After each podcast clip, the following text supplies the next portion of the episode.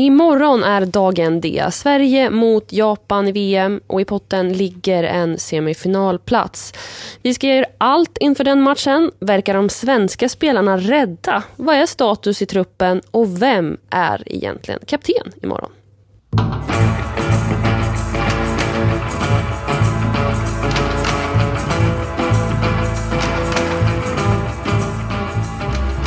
Ja, det var lite småpunkter som vad vi ska, liksom, ska snacka om i dagens podd. Men först kollar vi läget. Anna, hur mår du?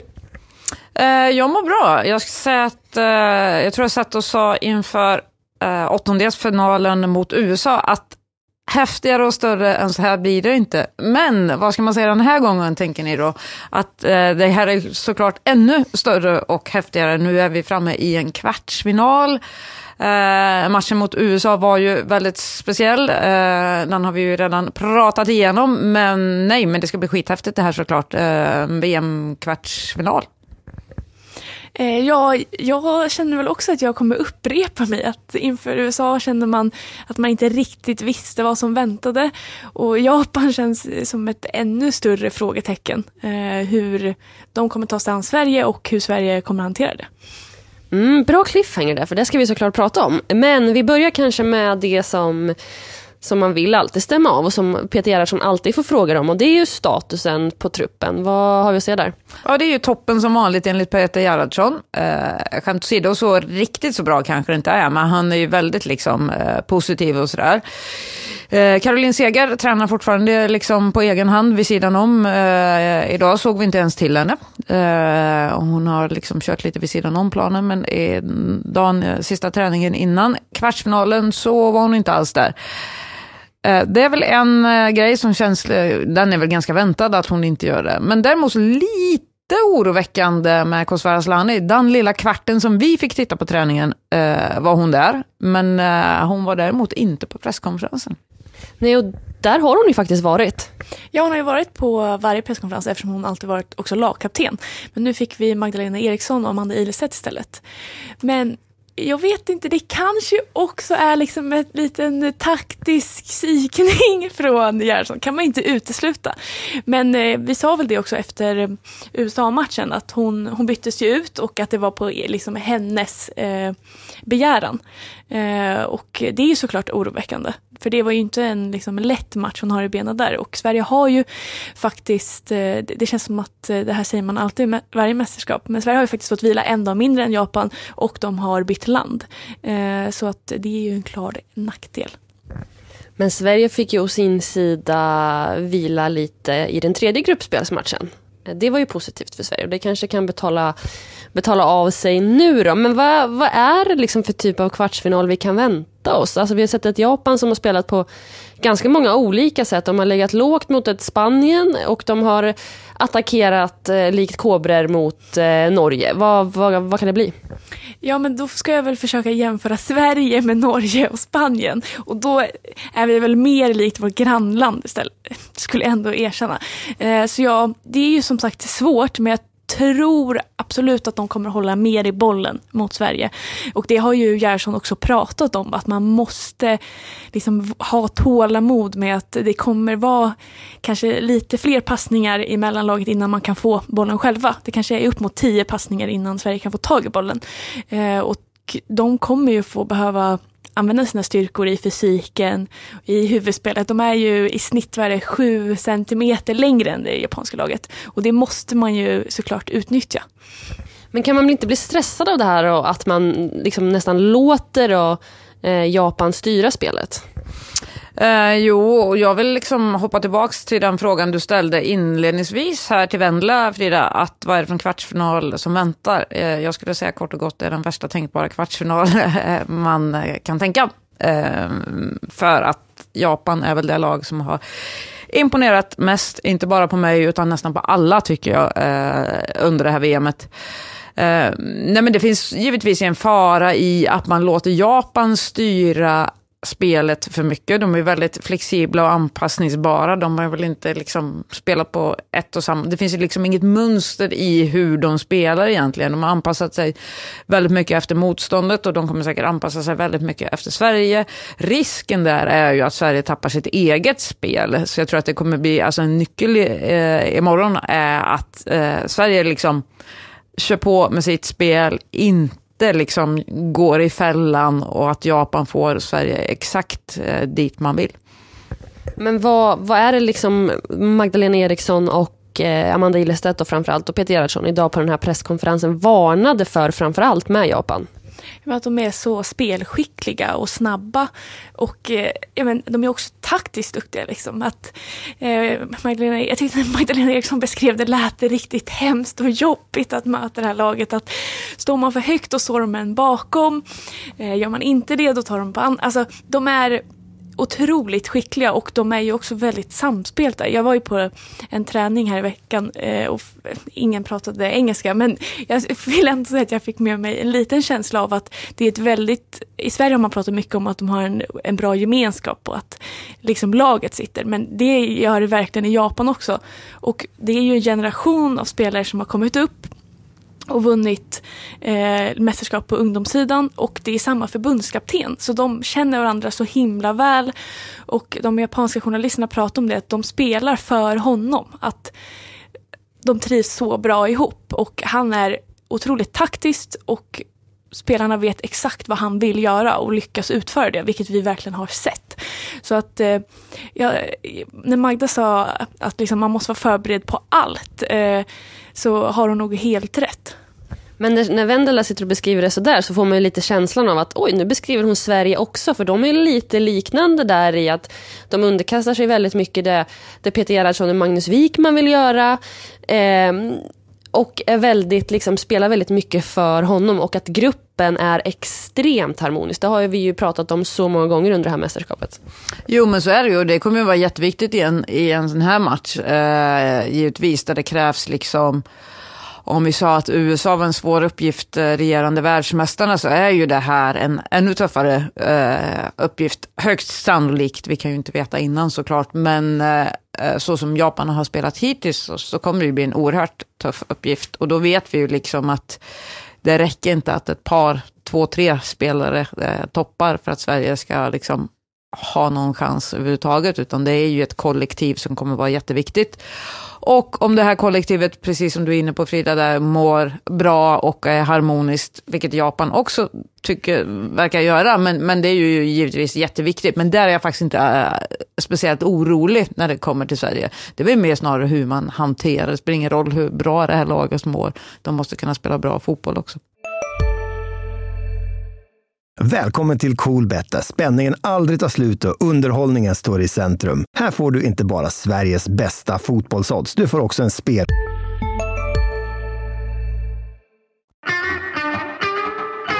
Men det känns som att det kan bli en, en, en ganska taktisk eh, match det här. Alltså det är den känslan man fick när man lyssnade både på Peter Gerhardsson och på eh, Japans förbundskapten. Ja, verkligen. Det är som du säger, det kanske blir mer en match mellan de som står på, på liksom, sidlinjen. Eh, vad, vem tror du vinner matchen då? Ja men, ja, men i det taktiska så, eh, så kanske jag har tror lite mer på den japanska förbundskaptenen om jag ska vara spontant sådär. Men det är också för att eh, Sverige har ju inte Alltså de har inte satts på samma typer, eller mött samma så olika motstånd som jag, tycker att, som jag tycker att Japan har gjort. Och eh, nu klarade de sig från åttondelsfinalen mot USA på grund av att Zecira Musovic gjorde sin absolut bästa match mer eller mindre. Eh, jag tror att Sverige hade rykt annars om inte hon hade stått i målet. Det får vi ändå vara ärliga och säga. Men någonting som skrämmer mig med matchen mot Japan är ju också det som Magdalena Eriksson också sa att så här, det finns inte en spelare att se upp med utan det är liksom ett helt kollektiv. Och det har ju alltid varit Sveriges styrka. Liksom. Det har funnits stjärnor och vi har varit inne på det till exempel med Fridolina Rolfö, att så här, hon, varför gör hon inte mer poäng? Hon är ju den största stjärnan. För att här blir hon en i kollektivet på ett annat sätt. Och det, det en sån sak skrämmer mig. Att så här, fasiken är Japan som Sverige fast en bättre och yngre och mer samspelt.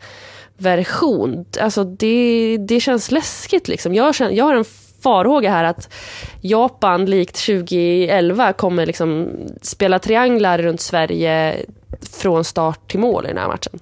Ja, jag har också en grej som skrämmer mig med Japan när vi ändå inne på, eller en, en, grej jag tänkte på nu när man satt och lyssnade på förbundskaptenerna var ju att Peter Gerhardsson pratar ju alltid om att eh, spelare som kan klara 120 minuter. Vi är redo för 120 minuter. Eh, och det sa han inför USA och det blev 120 minuter plus straffar.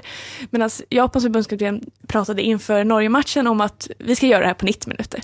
och det gjorde de ganska enkelt. Och även fast de när du fick in en liksom kvittering så såg de aldrig speciellt stressade ut och, och, tog sig tillbaka ganska bekvämt. Och nu sa han samma sak igen. Vi är ju inställda på allt men vi ska ju, alltså tanken från dem är ju att de ska fixa det på, på 90 minuter. Och det är såklart bara något man säger, men jag tycker också att det självförtroendet i sitt eget spel och sin egen taktik säger ganska mycket. Sverige krånglar sig till, de har ju krånglat sig igenom det här mästerskapet om man ska vara helt ärlig. Eh, förutom kanske eh, Italien-matchen. Eh, Japan har gjort på ett helt annat sätt. Men nu känns det som att vi liksom har målat upp en rätt tydlig favorit här och det är Japan. Men Anna, då får du kliva in som liksom hejaklacken, Sverige här. Vad behöver Sverige och vad kan Sverige göra? Vad är Sveriges styrkor? Vad ska de spela på i en sån här typ av match? Nej men alltså ni två är ju två pessimistiska, eh, nu ska jag hitta ett bra ord så jag inte säger något för fult i podd. Nej, men ni är lite, alltså så här, jag fattar eh, Japan och jag tycker också att det kommer vara liksom ett oerhört svårt motstånd. Men hallå, Sverige har tagit sig kvart till kvartsfinal. Det är liksom inte att Sverige är ett uselt lag. Absolut, det finns mycket att önska i Sveriges spel som inte har varit perfekt. Alltså Sverige har fortfarande inte gjort en perfekt match än, eh, spelmässigt. Men det är klart att den kan komma. Och den får jättegärna komma imorgon. Eh, för bitvis har det ju varit eh, bra. Så det går absolut att få in. Eh, mm, nej men återigen, det är väl liksom att det behöver vara en kollektivt bra insats i 90 minuter eller 120 om det skulle gå dit. Men också så här, det pratar både Magda och eh, Amanda Ilestedt om idag, att det är superviktigt att Sverige får en bra start. Eh, för får man inte det så kommer det bli jobbigt liksom att ta sig. Absolut, Ilestedt sa något eh, liksom att oh, men vi kan alltid jobba oss in i en match om vi inte får en bra start. Men jag tror att då är det lite too late. Så att det kommer vara superviktigt med en bra och stark start av Sverige. Ja, men om jag ska inte vara så pessimistisk då, som om du säger att liksom Sverige inte haft sin perfekta match än, så har ju Japan inte haft sin riktiga bottennappen. Och det brukar man ju ha i, liksom, i, om, i ett mästerskap om man går långt. Så kanske att eh, liksom, det är mot Sverige de går bort sig. Men du var inne lite på det här med längdskillnaden och, och hörner och Sverige har ju faktiskt sagt det under eh, veckan mot den här matchen att det kan till och med bli så att man liksom går för att eh, liksom få en hörna för man vet hur, dels från första början oavsett längden på motståndarna hur bra man är men i det här fallet ännu mer med tanke på att det skiljer 7 centimeter. Och sen då fysiken. Visst, Magnus Wikman flaggade lite för att så här, ah, men de ser lite starkare ut, eh, japanskorna, än vad de vanligtvis är.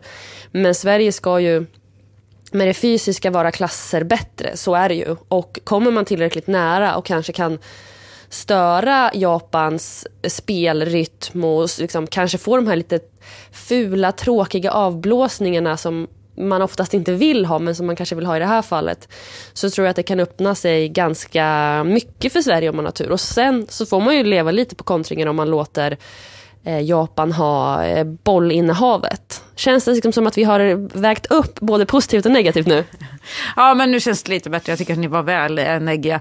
Nej, men det är klart, alltså, mm, vadå, det är inte så att jag sitter och tror här att Sverige ska vinna med 5-0 och allt är glatt humör. Det kommer bli jättesvårt. Men alltså jag tycker ändå att eh, vänta, det finns någonting i när man har tagit sig till en kvartsfinal att eh, det finns men dels i spelet men också själva självkänslan, självförtroendet. Det är inte så att liksom Sverige eh, jag menar, den här lite bragdinsatsen får man väl ändå säga att USA-matchen är. Trots, man vinner faktiskt trots att man är ganska usla bitvis. Eh, och det ger ju någon slags effekt på eh, tron på sig själva. Så jag, jag, tror liksom att Sverige, Sverige, Sverige vill gå in och vinna den här matchen och det är inte omöjligt.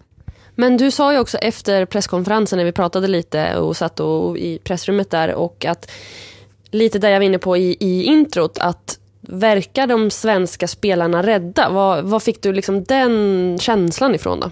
Ja, men då bollade ju jag detta med, jag fick det intrycket faktiskt, och då bollade jag ju det med just dig i, om att jag tyckte att, eh, vad är det här egentligen? De verkar ju lite rädda, så brukar de inte vara. Men då hade ju du en eh, analys om att det kanske bara är bra. Den analysen kan du ju faktiskt dra själv, för det är inte min, så jag ska inte ta åt mig den idén. Nej, men jag sa ju bara att eh, jag tror att det, det, är bra att man har respekt för att, eh, så att man inte blir för hög på insatsen som eh, liksom blev av USA-matchen. Även om det var en, lite som du är inne på, en bragdartad match. Att man liksom har stor respekt. Sen får man inte ha för stor respekt, för då tror jag att man kan bli avvaktande. Och det får man inte bli mot Japan, för då är det liksom tack och godnatt. Eh, Eh, lite så tänker jag. Tänker du något annat, Vendela? Nej, nej. Din analys är klockren. Är vi klockrena idag? Är det så ni känner? Ja, men jag tycker det. Vi är lite pessimistiska, men det är väl ändå det, är väl det svenska att vara. Vi, om vi skulle sitta här och eller om Magdalena Eriksson skulle sitta och vara hög på självförtroende hade man ju blivit eh, helt eh, chockad. De, det är det som de har ju varit lite, lite, lite höga på självförtroende innan. Och nu är de inte det. Är det bra eller dåligt? Det vet jag inte. Ja, men det är en enkel förklaring till det var ju, eh, som vi var inne på precis i början av podden här, det är ju att Kosovare Asllani faktiskt inte satt på podiet idag. Och det finns ingen spelare som är så full av självförtroende. Jag menar på ett positivt sätt, men hon har en väldigt speciell tro på sig själv och eh, laget framför allt. Eh, det är klart att varken Amanda Ilestedt eller Magdalena Eriksson använder, har riktigt det vokabuläret och den approachen som Aslani har. Så det kan ju också vara att vi luras lite grann av det, att vi inte får höra Aslan. Jag tror faktiskt att hade, hade Aslan suttit där idag så tror jag att vi hade liksom, Japan, det ska vi fixa. Det kommer att bli tufft, men det ska vi fixa. Alltså det blir någon, man smittas lite av att det är en annan typ av eh, personligheter som sitter där idag. Hej, Ulf Kristersson här. På många sätt är det en mörk tid vi lever i. Men nu tar vi ett stort steg för att göra Sverige till en tryggare och säkrare plats. Sverige är nu medlem i Nato. En för alla, alla för en. Har du också valt att bli egen? Då är det viktigt att skaffa en bra företagsförsäkring. Hos oss är alla småföretag stora och inga frågor för små. Swedeas företagsförsäkring är anpassad för mindre företag och täcker även sånt som din hemförsäkring inte täcker. Gå in på swedea.se företag och jämför själv.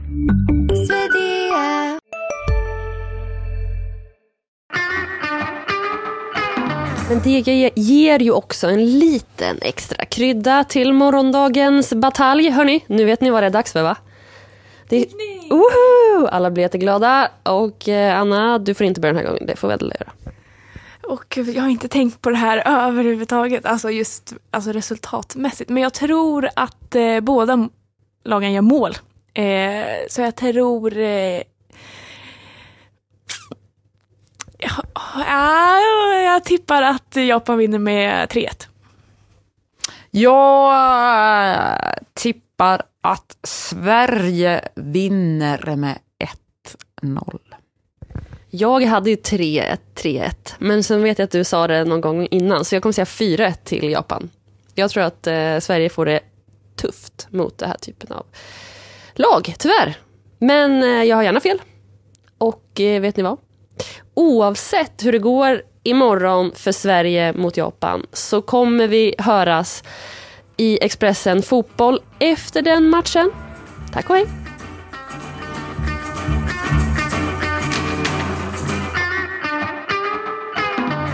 Du har lyssnat på en podcast från Expressen. Ansvarig utgivare är Karin Olsson.